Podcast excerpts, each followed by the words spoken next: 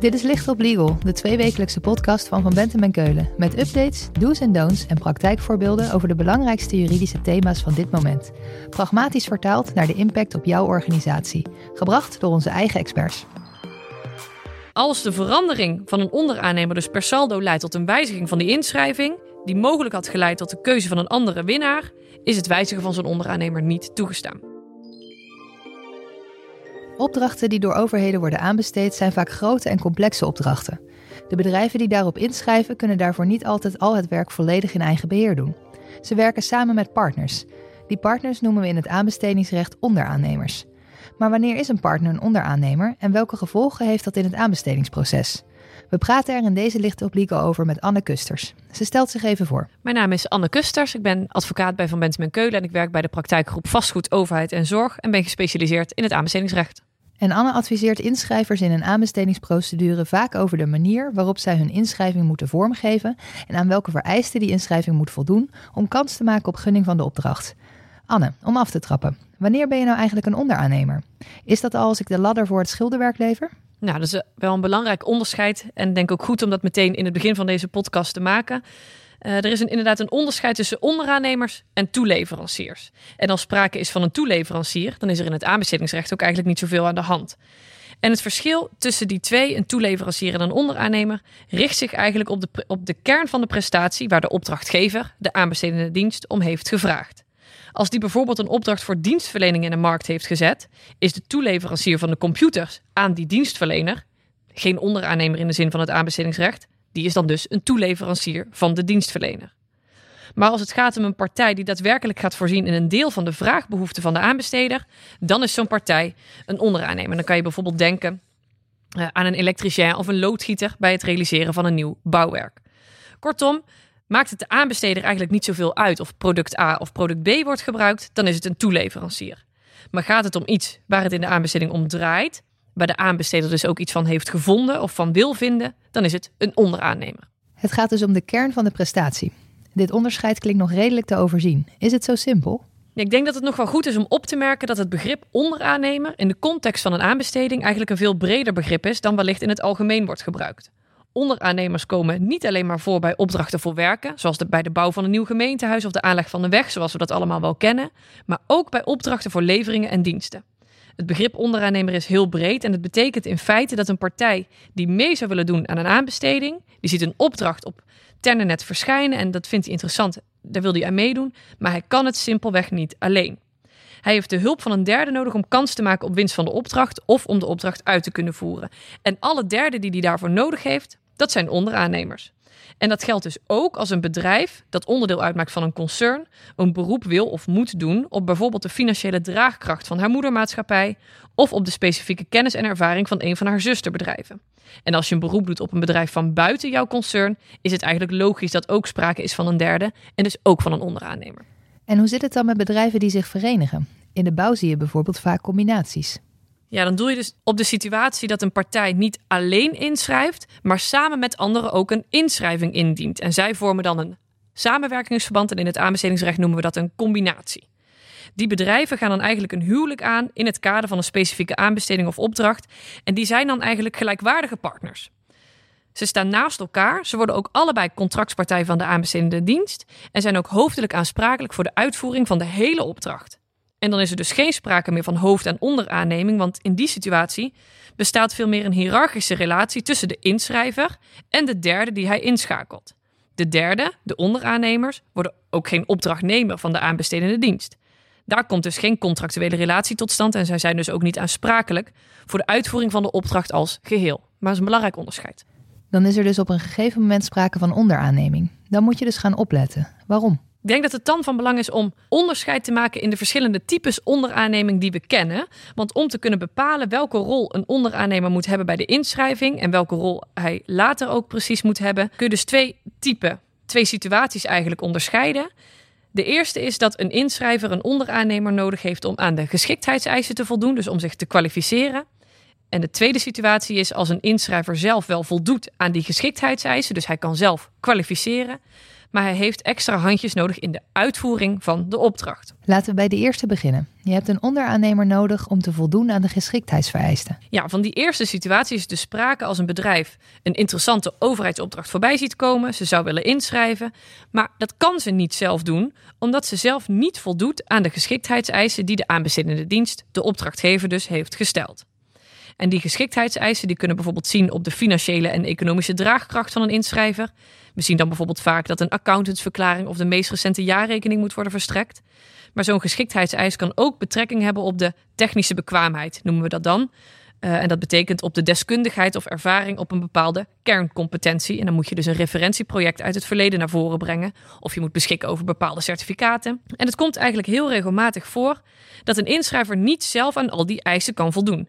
En daar schakelt hij dan dus een onderaannemer voor in. En omdat de rol van een onderaannemer noodzakelijk is om zo'n inschrijving te kunnen doen, moet die onderaannemer ook een formele rol krijgen in die inschrijving. Dat lijkt ook wel logisch. Dus als je hem echt nodig hebt, dan moet je hem een rol geven. Wat betekent dat? Die formele rol komt er in de praktijk op neer dat de onderaannemer een eigen uniform Europees aanbestedingsdocument, een UEA of ook wel een eigen verklaring, uh, moet indienen. En de inschrijver moet dan in zijn UEA aangeven voor welke geschiktheidseisen hij een beroep wil doen op een derde. Op de draagkracht van andere entiteiten wordt dat dan genoemd en welke derde dat dan is. En die derde, die onderaannemer, moet op zijn beurt weer een eigen UEA invullen en indienen. Waarbij die onder andere moet verklaren dat op hem geen uitsluitingsgronden van toepassing zijn, zoals een ernstige beroepsfout in het verleden of een belangenconflict. En is wel een uitsluitingsgrond van toepassing, dan moet de onderaannemer worden vervangen door een ander. En onderaannemers die in deze rol, dus om te voldoen aan de eisen worden ingeschakeld, moeten ook een rol krijgen in de uitvoering van de opdracht. Want je mag als inschrijver niet alleen maar een beroep doen op een derde om formeel aan de eisen te voldoen. Precies, je mag niet aan window dressing doen. Nee, je moet kunnen aantonen als inschrijver dat je ook daadwerkelijk kan beschikken over de voor de uitvoering van de opdracht noodzakelijke middelen. En dat betekent dat, dat het inderdaad dus niet alleen maar window dressing mag zijn. En uit de jurisprudentie volgt dan dat je ook feitelijk gebruik moet maken van de middelen van die derde, of dat de derde rechtstreeks persoonlijk aan de uitvoering van de opdracht moet deelnemen, tenzij zijn bekwaamheden aan de inschrijver kunnen worden overgedragen. Maar in de praktijk komt het er dus op neer dat de partij waarop je je beroept in het kader van de eisen ook in de uitvoering een rol moet krijgen. Een onderaannemer, als het gaat om geschiktheid, wordt dan dus echt onderdeel van de beoordeling door de aanbestedende instanties. En is dat dan in het tweede scenario niet zo? Als je iemand inhuurt voor extra handjes, hoe zit dat? Ja, dat is echt een wezenlijk ander scenario inderdaad. Want het bedrijf dat wil inschrijven voldoet dus zelf aan alle gestelde geschiktheidseisen. Hij kan dus zelf kwalificeren en zelf inschrijven. Maar hij heeft bij de uitvoering van de opdracht hulp nodig. Om welke reden dan ook. En de hoofdregel is dat zo'n type onderaannemer in de inschrijving geen rol hoeft te spelen. Aanbestedende diensten kunnen wel om informatie over deze onderaannemers vragen. Bij sommige type opdrachten moeten ze dat ook doen. Bij werken en sommige opdrachten voor diensten. En dat snap ik ook wel, want als opdrachtgever is het natuurlijk wel logisch dat je wil weten welke partijen er ingeschakeld gaan worden bij de uitvoering van jouw opdracht. En die informatie bestaat dan natuurlijk uit de belangrijkste contactgegevens, informatie over welke werkzaamheden die onderaannemer zou gaan doen.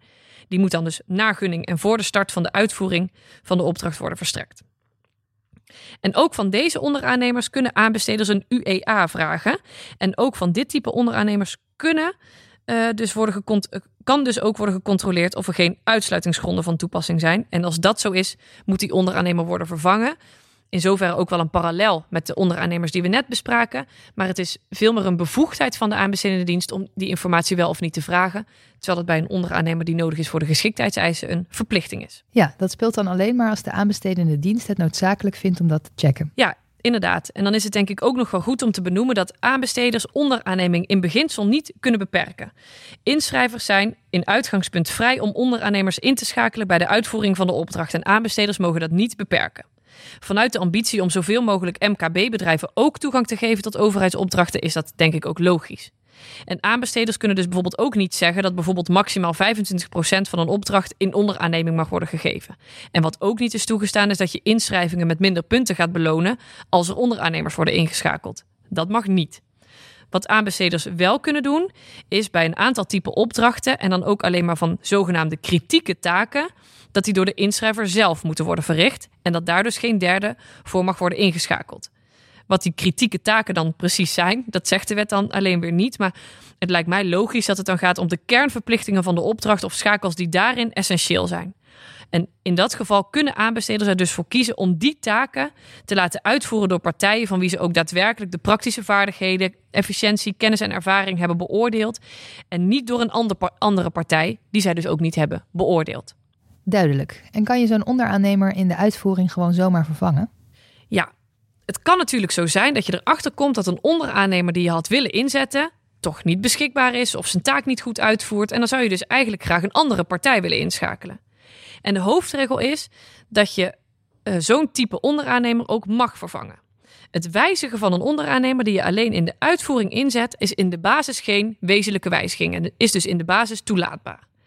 En dat kan alleen maar anders liggen als die specifieke onderaannemer ook een cruciale rol heeft gehad bij de beoordeling van de inschrijving. Bijvoorbeeld als hij met naam en toenaam in het opgestelde plan van aanpak wordt genoemd. En als zijn specifieke kennis en ervaring dus heeft gezorgd, althans potentieel, dat de inschrijver de opdracht ook heeft gewonnen. En als er dan ineens een andere onderaannemer in beeld komt, dan wordt dus eigenlijk de uitslag van die aanbesteding niet meer gerespecteerd.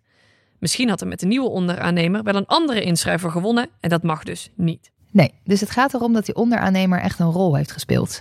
En is daar een duidelijke definitie van?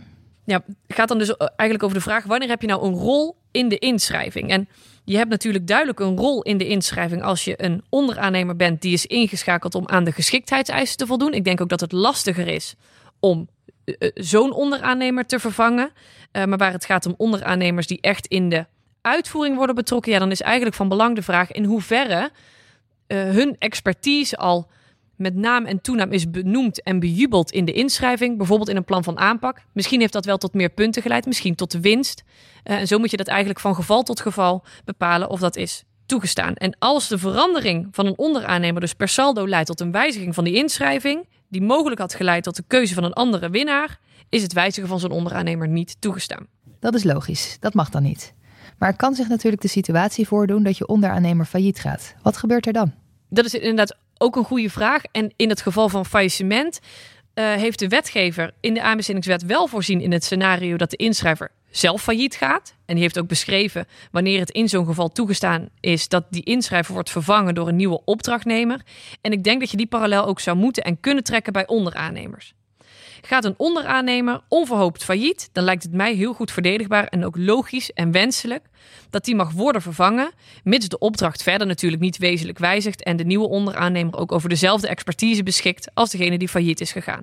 Op die manier borg je ook dat de oorspronkelijke inschrijving zo min mogelijk wijzigt. Anne, er is veel gezegd, maar wat moeten inschrijvers en aanbestedende diensten nou in ieder geval onthouden? Ja, als inschrijver is het goed om je te realiseren dat als je een beroep wil doen op een derde, of als je een beroep moet doen op een derde, omdat je anders niet kunt kwalificeren, dat als je zo'n partij inschakelt, je daar ook aan verbonden bent. Niet alleen maar voor de duur van de aanbestedingsprocedure, maar ook nog gedurende de uitvoering van de opdracht. Je gaat met elkaar een commitment aan en daar kun je niet zomaar meer uh, vanaf. Ook een goede tip is denk ik dat je die onderaannemers tijdig moet benaderen om ervoor te zorgen dat ze zich aan jou verbinden, zodat je je inschrijving op tijd kunt afronden. En voor aanbestedende diensten is het eigenlijk vooral van belang om goed te blijven monitoren. Wat is ingediend tijdens de inschrijving, moet zo blijven en moet worden gerespecteerd. Want uiteindelijk is het ook aan de aanbestedende dienst om ervoor te waken dat de opdracht tijdens de uitvoering niet wezenlijk gewijzigd wordt. Gebeurt dat wel, dan is het aan de aanbesteder om opnieuw te gaan aanbesteden.